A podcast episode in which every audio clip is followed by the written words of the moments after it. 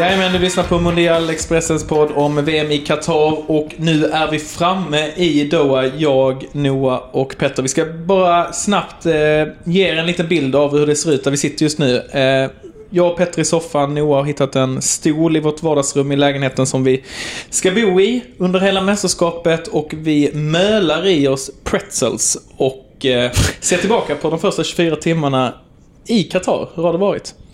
Underligt. Det är ju det som slår en först och främst, att allting känns så jävla konstigt bara.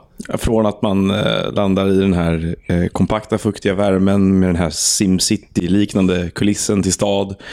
Vårt boende är ju omringat av en Five Guys, en Burger King, en McDonalds, en Fridays och en Applebee's. Så att det ser ut som att vi har hamnat i utkanten av en amerikansk mellanstor stad och att vi bor i något sånt här Ja, fast både, fast både och. För att det omgärdas också av att det- är liksom sandig sten där någon har stavat fel på sandwich och liksom det springer lösa katter och...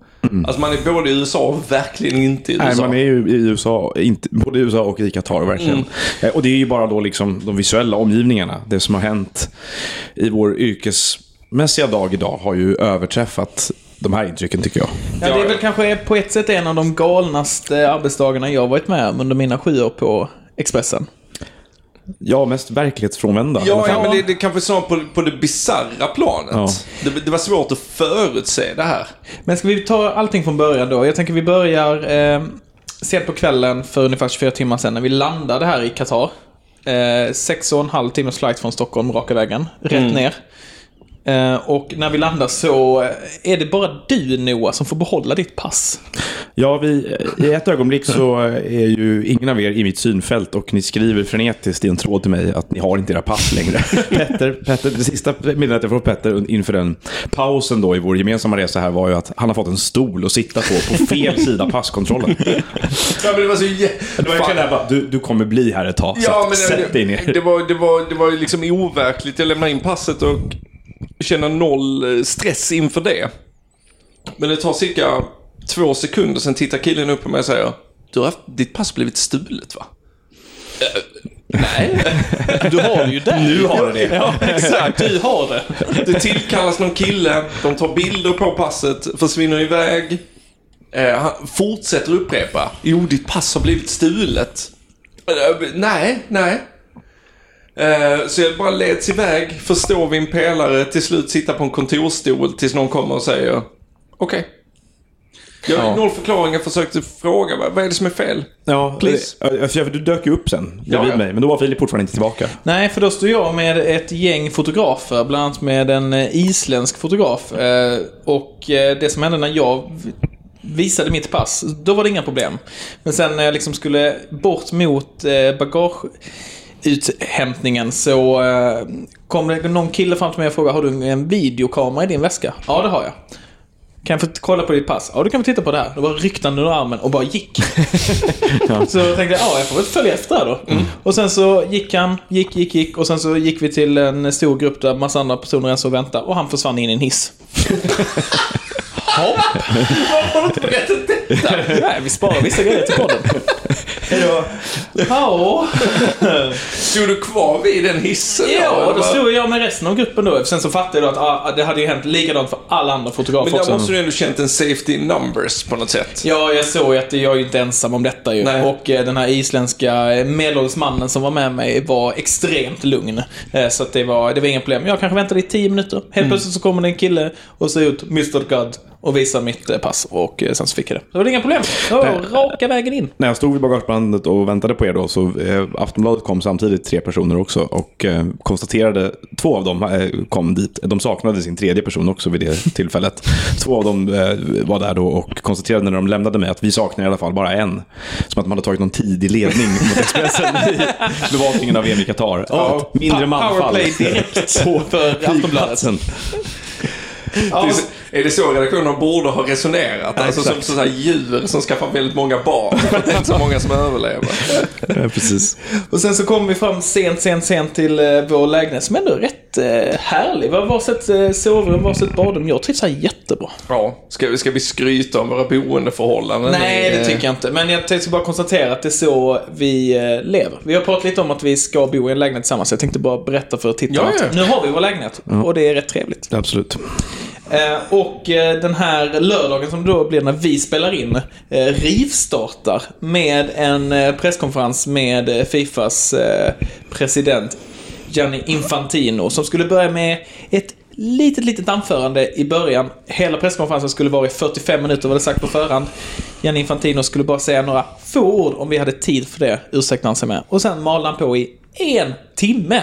60 minuter. Ja, det var ju ingen presskonferens på det sättet. Utan det var ju en...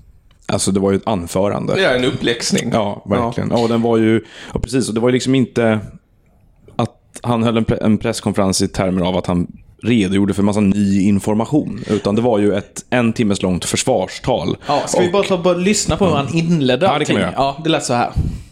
Today I feel uh, Qatari. Today I feel Arab. Today I feel African.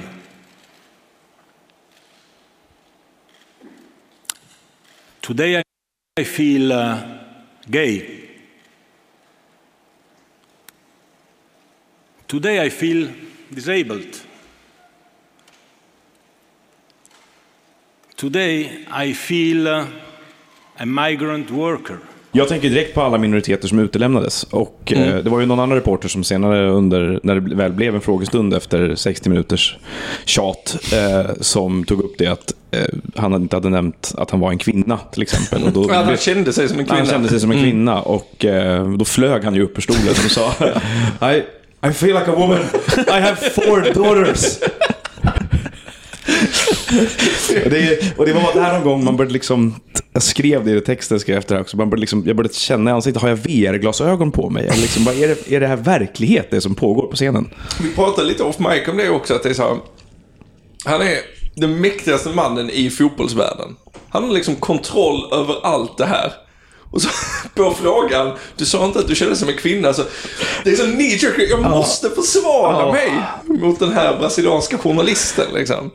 Och det här att varenda argument eh, i varenda fråga som kom upp egentligen så gick han till sig själv. Alltså att han var själv minsann utsatt för diskriminering för att han hade blivit mobbad menar han då för att han hade fräknar och rött hår när han var Och liten i pra- Schweiz. pratade dålig tyska som, pratade som då- barn till italienska gästarbetare. Exakt. Aj, och aj, ja, det aj. var det också att ja, han vet även hur det är att vara gästarbetare i ett annat land och han mindes hur det var när han var barn och hans föräldrar flyttade till Schweiz. Och jag tror ju att det möjligtvis kan finnas vissa betydande skillnader till och med på gästarbetare i Qatars eh, situation och de eh, italienska gästarbetarna Med reservation för att jag inte har benkoll på hur Nej. eh, reglementet ser ut i, i Schweiz på, är det 70-80-tal någon Det gång? måste vara det va? Ja. Men, men eh, det är alldeles oavsett, det spelar ingen roll. Utan det var ju att, då att de här anekdotiska argumenten och att appellera till sina egna känslor, Mm. egna erfarenheter och upplevelser skulle användas som slag till det egentligen. Mot ja, ja. det internationella etablissemangets kritik mot det här mästerskapet. Det var ju ett väldigt bärande tema. Det andra bärande temat var ju hur fruktansvärt förbannad han var hela tiden. Alltså han var ju arg från start idag. Han fick ju liksom håll, lägga band på sig själv när han drog in luft i näsan tio gånger under inledningen av anförandet. Där han sa att jag känner mycket känslor idag och Mm. jag eh, tycker att en del saker som har kommit fram de senaste månaderna i medierna och de senaste åren är incredible. Liksom att han liksom försökte välja ett, ett värdigt ord Mm. istället för vad han egentligen tänkte för våldsamma svordomar i huvudet. Liksom. Jag tror han till och med sa det någon gång också att liksom, ja, men nu, nu sa jag inte riktigt det jag egentligen skulle vilja säga här utan jag väljer Nej, det här precis. ordet istället. Liksom. Nej, det var många, det var nästan för många ögonblick för att sortera ut Ja, nej, men, av jag, vansinne. Alltså. jag ville komma till det också för att man, man, man kan sitta här och vara så liksom, vad ska man säga, ens, ens nyhetsnäsa när man går in i en arbetssituation liksom, och tänker att men här har vi liksom, här är storyn. Men den byttes ju ut var femte minut. För nästa sak han sa var ju mer hårresande än nästa. Helt plötsligt så var det Europas 3000-åriga historia som vi skulle Ja. be om ursäkt för i 3000 år Ja, framåt. ja, ja, det är ju halv, vi är inte halvvägs innan vi får öppna munnen. Liksom, om någonting, vi europeer, med tanke på vad vi ställer till med samtidigt som etruskerna tog över runt Medelhavet. Ja, men- det, det, var- ja, men, det- och, och sen så liksom, men jag tycker liksom kärnan i mycket av det som hände idag var ju att behöver du en ögonblicksbild av ett stort problem med Fifa så fick man ju det genom att läsa mellan raderna och titta och lyssna på den här människan Ja. han satt där. Och vi, du var inne på det alldeles nyss, vi pratade om det här precis innan, att man blir inte så här ur balans som han blev idag. Man blir inte så här liksom ansatt av all den här kritiken mot vad de gör och håller på. Om det inte här i första hand handlar om att spegla sitt ego i någonting. Utan fotbollens sak är så, ja, den är inte sekundär. Den kommer väl i 12, 13, 14 plats i rangordningen i hans värld. Att det här handlar i första hand om honom själv, Infantino. Att han anser att hans ego har blivit sårat på något sätt här. Och det är ju typiskt för dåliga ledare att det i första hand handlar om dem själva och om makten och i andra hand om sakfrågan som de är satta att leda någon i. Eh, och det var ju, tyckte jag, liksom också ett, ett bärande tema. Det här handlade väldigt mycket om Gianni Infantino själv idag. Men det brukar också vara liksom magreaktioner när man märker att eh, ett luftslott håller på att rasera Ja. eller att en, saker börjar barka åt helvete. Att, har då, då, varit- då börjar man ju bli lite förbannad liksom och nästan lite frustrerad och... Eh, Ja, defensiv. Ja. och det har ju inte gått bra de senaste veckorna. Nej, Nej. exakt. Och det är det med, alltså, eh, rapporteringen som varit har ju kommit åt dem av en anledning. För att den har varit legitim. Och det inte finns ett enkelt sätt att försvara sig heller. Och nu fick egentligen, och det är ju tacksamt så sätt att han håller den här timmes helt vansinniga monologen. För att det är ju ett skådespel för världen att visa att här är en man som håller på att tappa greppet fullkomligt. Ja. Nej, jag håller med. Det, men och det, jag menar, det följer ju inte så bra ut det heller kanske eftersom kritiken blev massiv mot hela grejen. Men att hans idé om det här anförandet var också att han sa ju på slutet där att jag hoppas att jag har givit er lite information nu. Ja, jo, tack, det gjorde som, du. som, har, som har besvarat alla era små frågor liksom, eh, där ute. Det var också extremt kul i efterhand att han inledde det. Det var bland de första sakerna han sa var att han hade varit tyst ett tag nu men han har jobbat hårt Mm. i bakgrunden. Men det var kul att se oss allihopa som vanligt. ja, det tror jag inte han tyckte. Nej, det tror inte jag heller han Nej. tyckte. Eh, vi höll ut, alltså du och jag Noah, vi höll ut i ja, en timme och en kvart kanske? Nej, tror- en och en halv timme. Jag tror vi satt en och en halv timme. Ja, något sånt. Så vi Sen var var vi med på en halvtimme av eh, den frågestunden. För sen öppnade de ju upp för frågor, ska vi Ja, säga. det, det ska vi säga. Så då fick han ändå ställa sig svar för lite Mm. eh, saker, regnbågsbindlar och eh, ölfrågan och så vidare. Även Eh, frågor om Iran kom ju upp också. Ja, Eh, så, så det var väldigt mycket som skulle hanteras där. Så att, eh, men vi hann inte med allting. Vi, vi gav upp efter en halvtimme för vi skulle dra vidare. Ja, vi missade, du måste ju säga, vi missade ju då när presschefen för Fifa, Brian Swanson, tog till orda på slutet. Och Ja, kan, kan inte du bara återge det, Petter? Jo, men och, och bara i, i den här bizarra verklighet eller värld eller skådespel som den här pressträffen var så eh, han eh, avslutar med att säga så det är många händer upp i luften men han säger att nu är presskonferensen slut. Men jag skulle vilja ta det här tillfället i akt på den här plattformen jag befinner mig och säga jag är en homosexuell man i Qatar och Gianni bryr sig. Ännu fler bevis, ja, att stapla på varandra då. Som eh, egentligen eh, tar koll på all kritik tycker jag. Ja, nej men exakt vad kan vi säga Den är nu? undanröjd nu. En homosexuell man har visat stöd för Gianni Infantino. Mundial lägger sig platt. Men du, jag hoppade in i en taxi, Ja. Noah, snabbt som satan. Skyndade ut ur det här enorma presentret som vi befann oss i också. Ja. Som ju också var, det var inte något budgetbygge. Nej, verkligen inte. Rätt in i en taxi ner till de finaste delarna av då, i och för sig om väldigt mycket här är, är fina delar. Eh, ner till de stora lyxhotellen vid eh, kusten eh, för att träffa en norsk eh, fotbollsledare. Ja, Lise Knavnes som bodde där nere, eller bor där nere, med, tillsammans med väldigt mycket andra Fifa-gäster kan man väl säga. Nu under VM ska vi säga, bor inte där permanent. Nej, till skillnad från Gianni Infantino som bor permanent i Doha. Även om han sa att han bodde i Schweiz idag. Ja. Men vi vet ju att hans barn går i skola mycket här. tid i Doha. Exakt. Eh, ja, vi träffade henne där nere. Det var en intervju vi hade bestämt med henne på förhand. Innan vi visste att, den här, att det här hjärnsläppet till tal skulle äga rum. Men det blev ju en väldigt enkel startpunkt för samtalet med henne. Det som var intressant där, om man ska ta den intervjun i korthet bara, var ju att hon sa ett par ganska bra saker som skär igenom vissa grejer. Det, det ena hon sa som jag tyckte om är ju det här att eh, Infantino och Fifa hela tiden pratar om att man inte vill blanda fotboll och politik. Och Klaven sa att vi är politiker. Det är, det är inte vi som ska prata om fotboll, utan vi är förtroendevalda fotbollspolitiker. Vi ska bara prata om politik. Eh, och att det är tränarna och ledarna och eh, spelarna som ska prata om fotbollen. Och att de i Norge upplever att det har, liksom, instruktionerna de har fått, direktiven hon har fått som ordförande för Norska fotbollsbundet, som var väldigt utstakade redan när hon utnämndes, det är att föra fram den fotbollspolitiska, deras fotbollspolitiska talan mycket, mycket tydligare och mycket mer och göra det till det norska fotbollspolitiska engagemanget större. Och hon säger då att å ena sidan kommer det från sådana som Ståle Solbacken och andra som är trötta på att behöva besvara de här typen av, eh, av frågor därför att de ägnar sig åt fotboll som sitt yrke. Men de som är valda fotbollspolitiker ska kunna, ska kunna göra det. Och det andra handlar då om att norsk fotboll har ju, precis som att man kan uppleva i svensk fotbollskultur, framförallt supporterkultur kanske, men även på gräsrotsnivå, enormt svårt för riktningen som Fifa driver fotbollen i. Och hon tog upp det då att det är ingen slump att Norge, precis som Tyskland nu då, som vars eh, eh förbundsordförande Bernt Neuendorf var ute här i veckan och kritiserade Fifa Infantino också, vänder sig emot allt det här nu på ett sätt som inte har varit fallet förut. Utan det är ju nytt nu att vissa förbund i Europa börjar aktivt kritisera Fifa.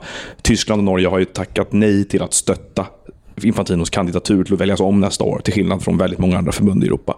Eh, Så de där grejerna är ju intressanta, att länder med någon sorts fotbollsdemokratisk politisk modell, där man kan faktiskt utöva inflytande genom rösträtt och medlemsdemokrati och sådär.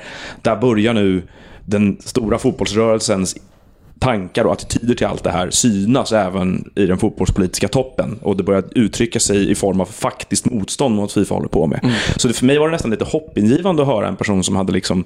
För, för vad hon pratar om där, det är ju liksom ett, ja, det här är ett tydligt, konkret tillvägagångssätt att ändra på allt det här. Vilket ju man gång efter annan när sådana här saker händer känner en viss uppgivenhet för. Ja, men det känns som att fotbollsvärlden i stort har känt att så här, Fifa är korrupt. Ja. Det spelar ingen roll att det var den här razzian, var det 2015 i, i Schweiz när Ja. de grep dem på ett lyxhotell och man tänkte okej, nu kommer utrensningen. Men liksom rötan satt kvar. Precis samma kultur finns Exakt, nu. exakt. Men det, det, det är också fint på något sätt att i, i länder som Norge, som Tyskland, som Sverige då, långsiktigt i alla fall, liksom att det finns fotbollsdemokrati. Du kan, du kan påverka som den lilla personen. Att man ser en möjlighet och inte uppgivenhet. Jag tror den här rörelsen måste komma därifrån. För att jag menar, är det så att några förbund i Europa plötsligt blir tydliga motvikter och motkrafter till det här problemen med Fifa egentligen, så kommer det föda en efterfrågan på samma sak i andra länder. Jag kan inte tänka mig att det engelska fotbollsetablissemanget till exempel plötsligt ser Sverige, Norge, kanske Danmark, Tyskland börja göra aktivt motstånd och forma en sorts ny politisk samlingsgrupp inom den internationella fotbollen och bara strunta i det. Liksom. Jag tar med mig två saker i övrigt från eh, den eh, träffen med eh, Lisa Klaveness. Och det, det ena var att vi för första gången nu fick eh, bevittna själva hur det funkar i Qatar när man ska filma på öppen Ja, plats. precis. Eh, för att då var det först sagt att vi skulle vara vid det här stora Sheraton-hotellet. Ja. Eh, vi kom dit och sen så fick vi veta att nej, där, där var det tänkt först att intervjun skulle göras, men alla hade fått flytta sig då till en gräsplätt eh, 100 meter därifrån. Vi kommer dit, där står redan ett danskt tv-team och gör en intervju med Klaveness. Vi står och väntar och jag börjar rigga min kamera och fixa med ljudet och, och vi gör oss redo för det är vi som är näst på tur. Och då kommer var de fyra eller fem säkerhets... Ja, sex. Ja, det var många i alla fall. Det Eh, blev fler och fler under tiden. Ja, exakt. Det började det var en. Eller bara, Det händer något här. Eh, och sa att eh, ni, vi, vet att ni får filma för ni är ackrediterad media. Men just för den här eh, gräsplätten behöver ni ett extra tillstånd. Och det var verkligen en gräsplätt. Det var liksom... Det var liksom Jaha, okej, vad- hur löser vi detta då? Och samtidigt så håller ju liksom den danska intervjun på att ta slut. Så det är ungefär 30 sekunder så det är vår tur att göra en intervju liksom. Ja. Liksom. Det är ju vår tur. Eh, Ja, men det, det gör ni i det kontoret där borta, 200 meter bort. Ah, okej, men vad då måste vi gå bort dit nu då? Nej, men han kanske kan komma med pappret till. Vad är det för papper vi ska skriva på? Ett, ett tomt papper. Vi skulle bara skriva vårt namn. Det var en dansk journalist där också som sa att vi, det går inte att hålla på så här om man två dagar i förhand måste ansöka om tillstånd för att stå på den här gräsplätten och filma. Han bara, det handlar inte om två dagar, det är nu. Häng bara med här en stund. Som att det var världens enklaste grej, bara därför. Och eh, sen, och sen så, men så sa jag liksom att vi måste göra vår intervju nu. Eh, vi får lösa det sen. Vi gjorde intervjun och sen så när jag tittade upp när vi var klara med vår intervju så var den borta. Ja. Så antingen så har jag ju då filmat utan tillåtelse på en gräsplätt och kommer bli plockad i natt i mitt sovrum. Eller så är det hur långt som helst. Jag tror att det är hur långt som helst. Ja, jag tror också det. jag tror du kommer bli plockad. Det- Den andra grejen jag tar med mig, det är ju den tydligaste sprickan hittills under resan med dig och mig nu. Att du hatar katter och jag älskar katter. Ja. vi träffade en katt som jag ville ta med mig till lägenheten. Det fick jag inte för. Jag, sa, om jag, du- jag är väldigt tacksam till dig Noah för detta. Att vi inte har en herrelös katt i lägenheten. Exakt, lopp lite rabies. Ja, det är den naturliga reaktionen på att det blev så. Ja. Eh, Men eh, om det hade varit en hund hade jag också tackat nej. Ja, du sa ju till och med till katten, bli hund så kan du få följa med. Jag var typ rak instruktion. Kanske inte svårt för katten att ta till sig. Nej, men jag kommer vidhålla. Jag kommer hålla hårt i den Eh, tanken. Om, om eh, presskonferensen med Gianni Infantino var den stora, första stora höjdpunkten den här dagen, så var ju ändå den andra nu på kvällskvisten. Vi kom ju precis hem, du och jag Petter, ifrån eh, Fifa Fan Festival. Det stora fanzone-området i Doha. Och vi har varit på kosläpp. Ja, det var faktiskt helt vansinnigt. Jag, jag pep ju dit en stund tidigare medan ni eh, pratade med Lise för att kolla in den här fanzonen som ja, på arrangörernas hemsida, på Fifas hemsida målats upp. Det är här festen kommer vara liksom. Eh, idag var öppningsdagen, jag åkte dit på eftermiddagen. Det var inte en käfta. Nej. Ehm, Ja, någon satt utanför sa du och surade i skuggan. Ja, det satt några fans utanför. Jag träffade en walesare som, som jag frågade varför går ni inte in? "Vad- Vad ska vi gå in för? Det finns ju ingenting där. Och jag trodde att det var lite överdrivet, men allting var ju stängt. Alltså, jag frågade en vakt där om jag kunde köpa vatten och han bara nej. Så det är stängt. Ja. Och då var det typ så här 32 grader varmt. Ja, och solen fanns inne i skuggan någonstans. Eh, Allting var bara nedstängt. Den stora Fifa-affären som var i mitten var bara för Fifa Hospitality Guests. Så att Och inte ens de var där. Nej, nej det var helt tomt där inne. Alltså, det var bara en känsla av att all, ingen hade koll på någonting. En vakt jag frågade om vägen på väg dit sa detta är min första dag här. Jag vet inte. Nej. Nej. Och Okej. det där är ju, ju ett tema vi har snappat upp under det här första dygnet. Att det finns, runt de aktiviteter som är viktiga för oss, har allting funkat hur bra som helst. Där verkar de ha lagt mycket krut på att det ska vara smidigt. Som är journalister då. Ja, men precis. Eh, men det har ju varit en hel del andra, alla fall tendenser tycker jag, till att eh, organisationen inte riktigt sitter som en smäck runt det här än. Nej, men det är ju papyrustunt. Alltså allting. Det är ju en vacker, så att säga, kuliss, kuliss som är uppbyggd av den här liksom lyxoasen i öknen. Men skrapar man lite på ytan så är det ju helt tomt bakom. Ja, det ska Än bli spännande att se Ja, dem. ja, men- givetvis. Alltså detta är ju första intrycken. Ja, men det blir spännande att se de första dagarna nu när allt detta sätts på prov på riktigt. Nu när Ja, man alla supportrar ska komma hit och de ska börja gå på matcher och folk ska börja transportera sig. Hur väl funkar detta nu? Det kan mycket väl vara ett luftslott som sprängs redan dag ett faktiskt. Ja.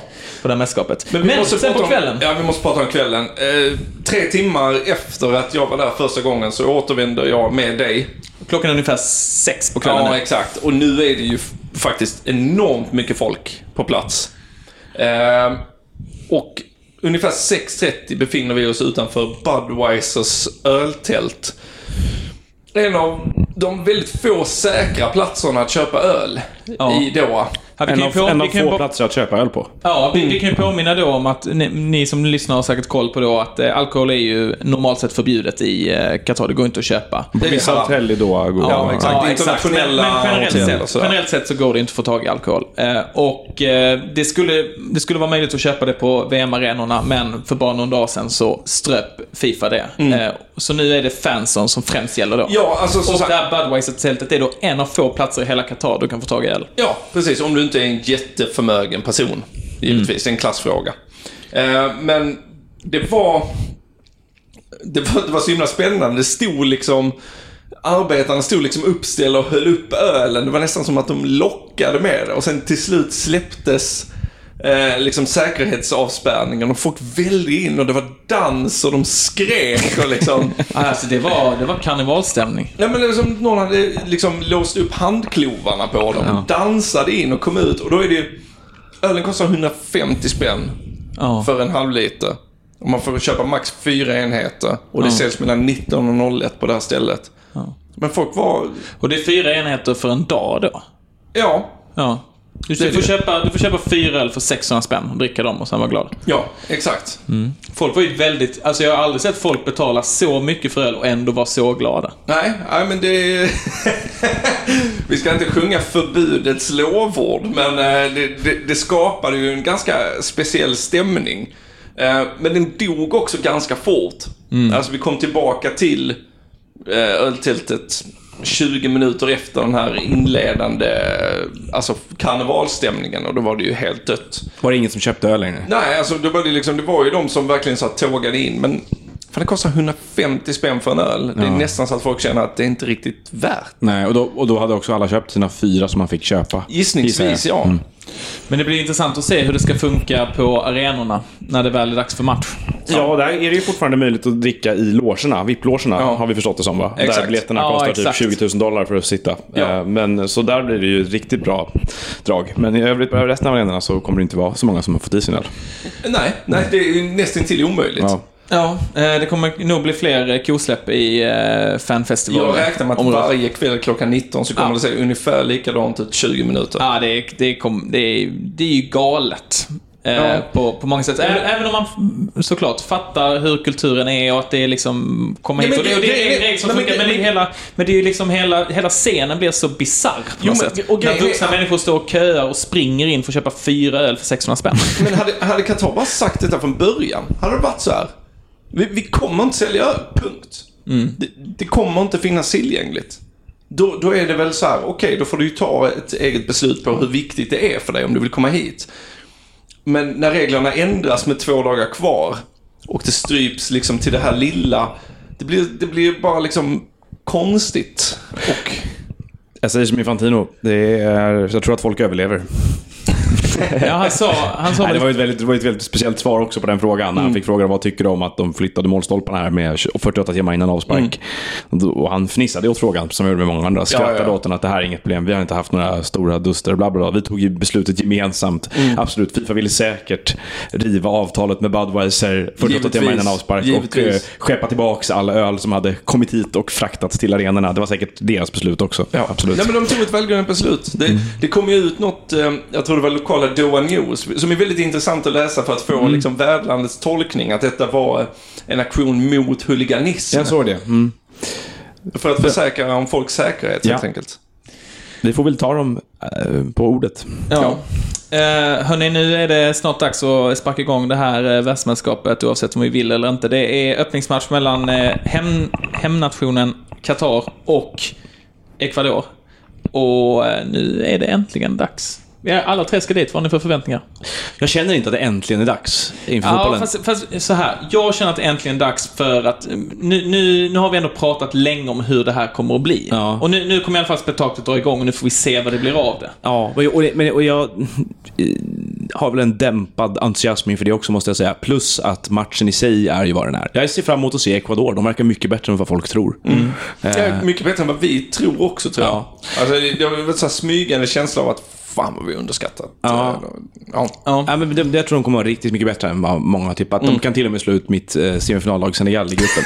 Oj, oj, oj. Ja, på tal om det, när vi ändå pratar om tips, kan vi påminna då om eh, vår eh, VM-tipsgrupp eh, på Coppabet. Eh, vi har fått in väldigt många, det är väldigt kul. Det är många som var med och tävlar mot oss. Ja, Eh, många, många som vill se oss eh, slagna. Ja, det kommer de få göra också. Om ni går in på koppabet.com group mundial så kommer ni hitta vår grupp och kan gå med där. Ni får göra det nu för att eh, deadline är ju eh, lagom till avspark för eh, första matchen. Jag har satt ett kryss i Qatar, eh, Ecuador. Det har jag också. Ja, ni, jag tror att ni är mer rätt på det, men jag har satt en tvåa på Ecuador. Även om vi nu har sagt, nu är det lite motsägelsefullt här. Ecuador är ett av VMs bästa lag, men det är förmodligen sannolikt att de kryssar mot Qatar, som vi i tidigare avsnitt har sagt att de är ett av VMs sämsta lag.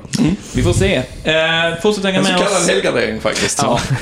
ja. Eh, fortsätt hänga med oss här i eh, Mundial. Vi kommer släppa avsnitt ungefär eh, varannan dag eh, under hela detta mästerskapet. Så det är bara att hänga med hela vägen fram till VM-finalen. Tack för ikväll och idag. Tack!